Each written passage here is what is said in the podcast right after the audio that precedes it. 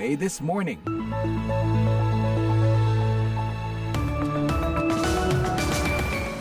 Selamat pagi, selamat bertemu lagi di VOA This Morning, Senin 26 Juni 2023. Kembali bersama saya Madioni dan di studio 17 VOA di Washington DC, saya ditemani produser Jimmy Manan, teknisi Zuber Al-Tayyib. Pagi ini ada laporan tentang pemberontakan dan upaya kudeta yang gagal oleh pemimpin tentara bayaran Rusia. There are lots of unanswered questions, including the questions of what happens to Prigozhin's forces.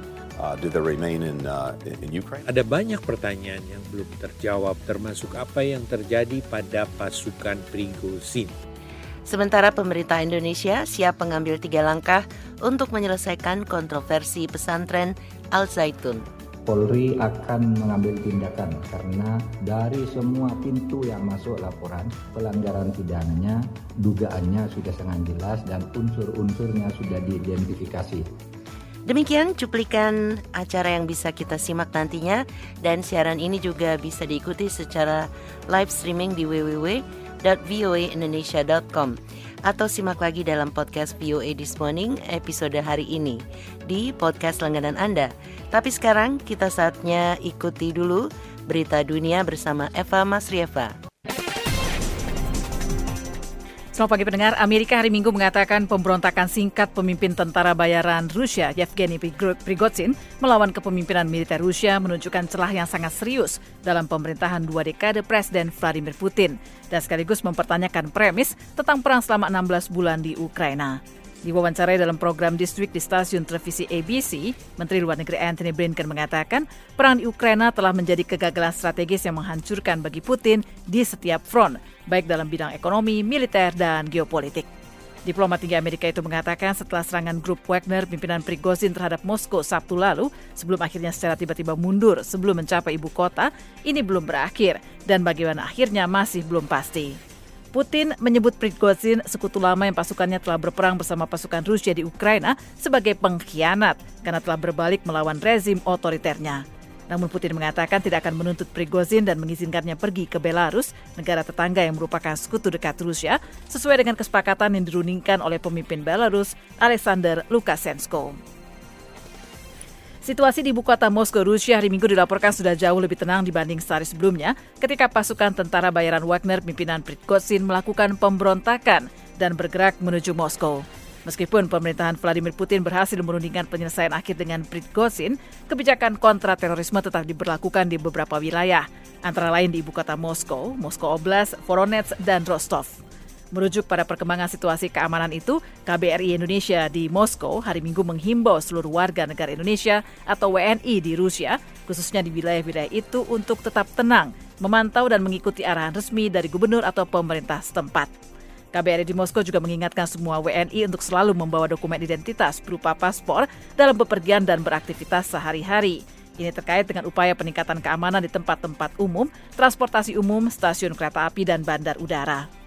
Khusus bagi WNI di Moskow dan Moskow Oblast diminta untuk membatasi perjalanan keluar kota. Sementara WNI yang berada di Rostov dan Voronezh diminta untuk mematuhi arahan pemerintah setempat untuk tidak keluar rumah, asrama, tempat tinggal jika tidak ada keadaan mendesak. KBRI di Moskow juga menegaskan agar seluruh WNI di Rusia untuk sementara waktu tidak melakukan perjalanan keluar kota.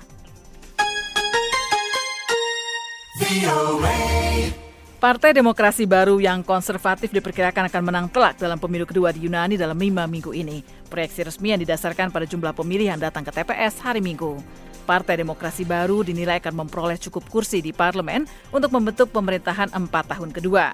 Partai pimpinan Kyriakos Mitsotakis itu diperkirakan akan meraih 40,5 persen suara.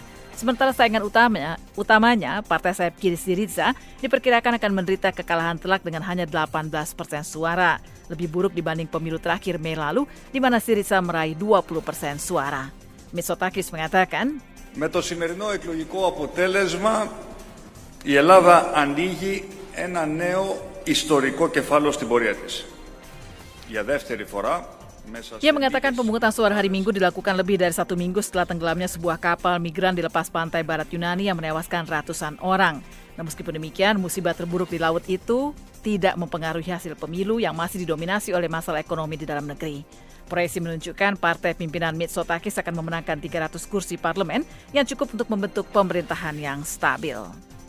Sebuah pesawat yang digunakan di era kediktatoran Argentina atau 1976 hingga 1983 untuk membuang tahanan hidup-hidup ke laut, termasuk tiga anggota kelompok hak asasi manusia, Mothers of Plaza de Mayo, dan dua biawati Prancis, hari Sabtu kembali ke Argentina. Pesawat terkenal Skyvan itu akan dipamerkan di bekas, bekas pusat penahanan ilegal di ESMA yang kini menjadi museum untuk menunjukkan pemerintahan militer Jorge Rafael Videla yang kejam.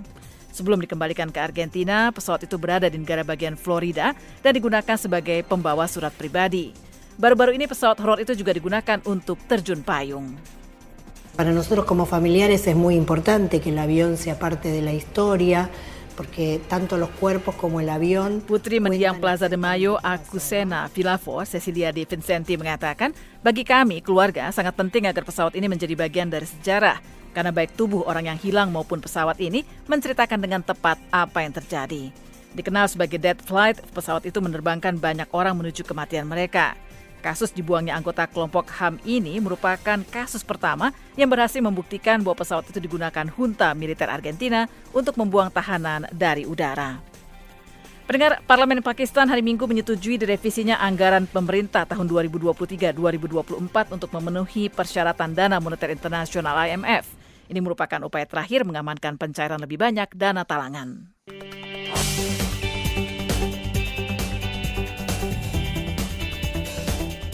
Pendengar, mantan luar negeri Amerika dan pengamat Inggris mencermati situasi di Rusia pasca ancaman pemberontakan oleh tentara bayarannya di Ukraina. Mereka berpendapat pasukan itu bisa kembali mengancam Ukraina. Selengkapnya disampaikan Karlina Amkas. Menteri Luar Negeri Amerika Anthony Blinken minggu mengatakan gejolak yang timbul akibat tantangan tentara bayaran Wagner terhadap otoritas Presiden Rusia Vladimir Putin mungkin belum berakhir. Bisa berminggu-minggu, bahkan berbulan-bulan untuk diselesaikan, kata Blinken. Dalam rangkaian wawancara televisi, Blinken mengatakan ketegangan yang mengarah ke pemberontakan oleh pasukan yang dipimpin Yevgeny Prigozhin telah meningkat dalam beberapa bulan. Gejolak tersebut bisa memengaruhi kemampuan Rusia di Ukraina. Dalam program This Week di televisi ABC, ia mengatakan, There are lots of unanswered questions, including the questions of what happens to Prigozhin's forces.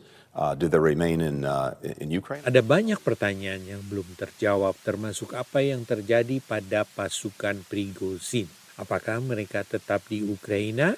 Kita melihat tayangan luar biasa. Pasukan ini keluar dari Ukraina dan masuk ke Rusia baru kemarin. Kalau ancaman pemberontakan sampai menimbulkan gangguan dan Rusia kehilangan fokus, Blinken menambahkan, ini mungkin bisa membantu Ukraina di medan perang. Sementara itu, mantan Panglima Militer Inggris Lord Richard Dennett minggu memperingatkan bahwa peristiwa selama 48 jam terakhir di Rusia harus diawasi dengan sangat ketat. Kepada media Inggris, Sky News, ia mengatakan, kita harus mencermati apa yang dilakukan Prigozhin dan pasukan bayarannya, Wagner. Ada kemungkinan mereka bisa menjadi ancaman bagi Kiev. Kalau saya panglima tertinggi Ukraina, saya akan mewaspadai wilayah itu. Duta Besar Inggris untuk PBB, Sir Mark Lyle Grant, mengaku terkejut bahwa Prigozhin diizinkan bermukim di Belarus dan pasukannya diserap ke dalam tentara Rusia. Ia percaya bahwa Barat tidak menginginkan terjadinya gangguan politik yang bisa menyebabkan perang saudara di Rusia, karena itu akan menimbulkan konsekuensi yang merusak, mengingat negara itu masih pemegang senjata nuklir terbesar di dunia. Menteri Blinken menegaskan, postur nuklir Amerika dan Rusia tidak berubah akibat krisis ini. Ia juga mengatakan bahwa Presiden Biden berbicara dengan para pemimpin Barat dan rapat dengan pejabat keamanan nasional, tetapi belum menelepon Putin. Sabtu pagi, Prigozhin dan pasukannya berada dalam jarak sekitar 200 km dari Moskow sebelum menghentikan gerak maju dan kembali ke markas mereka di Ukraina untuk menghindari pertumpahan darah. Rusia Sabtu mengatakan bahwa tuntutan pidana terhadap Prigozhin karena melakukan pemberontakan bersenjata akan dibatalkan. Dengan persetujuan Presiden Putin, Presiden Belarus Alexander Lukashenko menegosiasikan kesepakatan dengan Prigozhin. Lukashenko mengatakan ia telah mengenal Prigozhin secara pribadi selama 20 tahun. Karlina Amkas, VOA, Washington. America, VOA. Pendengar Badan Keamanan Nigeria memperingatkan masyarakat tentang kemungkinan serangan teroris di tempat-tempat ibadah menjelang Hari Raya Pengorbanan atau Idul Fitri atau Idul Adha pada 29 Juni. Badan Keamanan mengatakan operasi terhadap orang-orang bersenjata pekan ini menemukan bom rakitan yang menunjukkan ada rencana untuk melancar, melancarkan serangan sebelum dan selama perayaan. Selengkapnya disampaikan Puspita Sariwati. Peringatan keamanan itu dimuat dalam pernyataan yang dikeluarkan oleh Polisi Rahasia Nigeria Kamis malam. Itu peringatan pertama oleh Departemen Layanan Negara atau DSS sejak Presiden Nigeria Bola Tinubu menjabat pada Mei. DSS mengatakan Peringatan itu didasarkan pada intelijen dan bom rakitan yang ditemukan pekan ini dalam operasi pemberantasan terorisme di negara bagian Kogi dan Nasarawa Pusat di dekat ibu kota. Para pejabat DSS mengatakan para petugas membunuh seorang pemimpin geng terkenal dan menangkap seorang pedagang senjata dalam penggerbekan Senin dan Kamis pagi pensiunan petugas DSS, Mike Ejiofor, mengatakan ancaman itu harus ditanggapi dengan serius.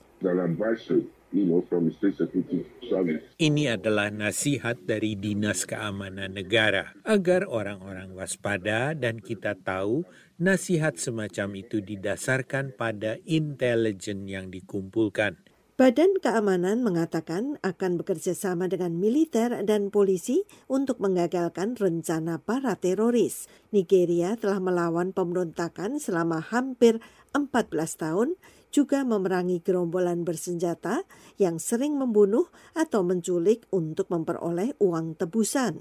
Pusat ibadah sering menjadi sasaran serangan teror. Dalam pelantikannya 29 Mei lalu, Presiden Tinubu berjanji pemerintahnya akan mengutamakan pemulihan keamanan. Pada Senin lalu, Presiden memecat semua kepala badan keamanan dan kepala polisi dan mengangkat pejabat baru.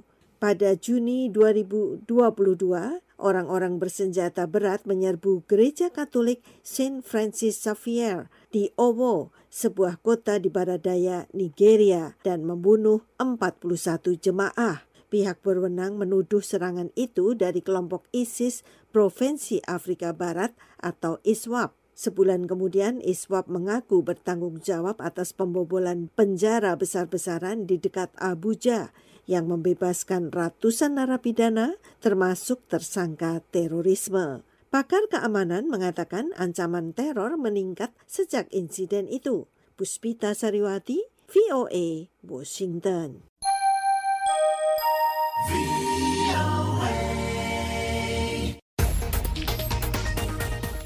Beralih ke tanah air, pemerintah akan lakukan tindakan terkait Ponpes Al Zaitun. Selengkapnya disampaikan Sasmito Madrim. Menteri Koordinator Politik Hukum dan Keamanan Mahfud MD menegaskan bahwa pemerintah akan mengambil tiga langkah untuk menindaklanjuti laporan masyarakat terkait polemik Pondok Pesantren Al Zaitun.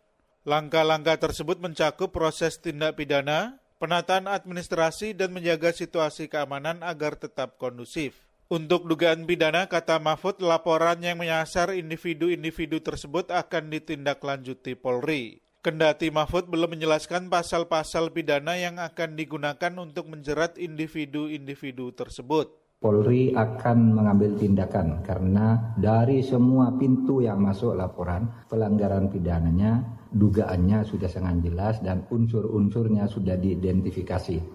Adapun terkait sanksi administrasi, Mahfud menjelaskan pemerintah akan melakukan penataan terhadap Yayasan Pendidikan Islam yang menyelenggarakan Ponpes Al Zaitun dan sekolah atau madrasah. Tindakan administrasi ini dilakukan dengan mengedepankan perlindungan terhadap santri atau murid. Sedangkan untuk keamanan dan ketertiban sosial, Mahfud akan menyerahkan kepada pemerintah provinsi, Polri, dan para pemangku kepentingan di Jawa Barat. Mahfud sendiri menggelar rapat dengan Gubernur Jawa Barat, Kementerian Agama, Polri, dan sembilan lembaga terkait di Jakarta pada Sabtu 24 Juni 2023 mengenai Ponpes Al Zaitun. Gubernur Jawa Barat Ridwan Kamil mengatakan, Pihaknya telah melaporkan perkembangan hasil tim investigasi terkait polemik tersebut kepada Mahfud MD. Sudah disampaikan rekomendasi-rekomendasi yang tentu berdampak pada aspek hukum, aspek administrasi, dan uh, aspek uh, keamanan sosial. Menanggapi hal itu, Direktur Eksekutif Setara Institut Halili Hasan mendorong pemerintah untuk melakukan investigasi yang komprehensif terkait polemik Ponpes Al Zaitun. Menurutnya, langkah yang diambil pemerintah harus berdasarkan bukti faktual, berlandaskan hukum dan peraturan perundang-undangan yang berlaku. Hal ini menambahkan pemerintah hendaknya tidak masuk dalam polemik pelabelan sesat pandangan dan ajaran keagamaan yang berkembang di Ponpes Al Zaitun. Menurutnya, pandangan dan ajaran keagamaan cukup menjadi perdebatan tokoh dan lembaga keagamaan terkait. Dia menekankan bahwa pemerintah tidak boleh meletakkan hukum negara di bawah pandangan dan fatwa lembaga keagamaan tertentu. Dari Jakarta, Sasmita Mandiri melaporkan untuk VOA Washington.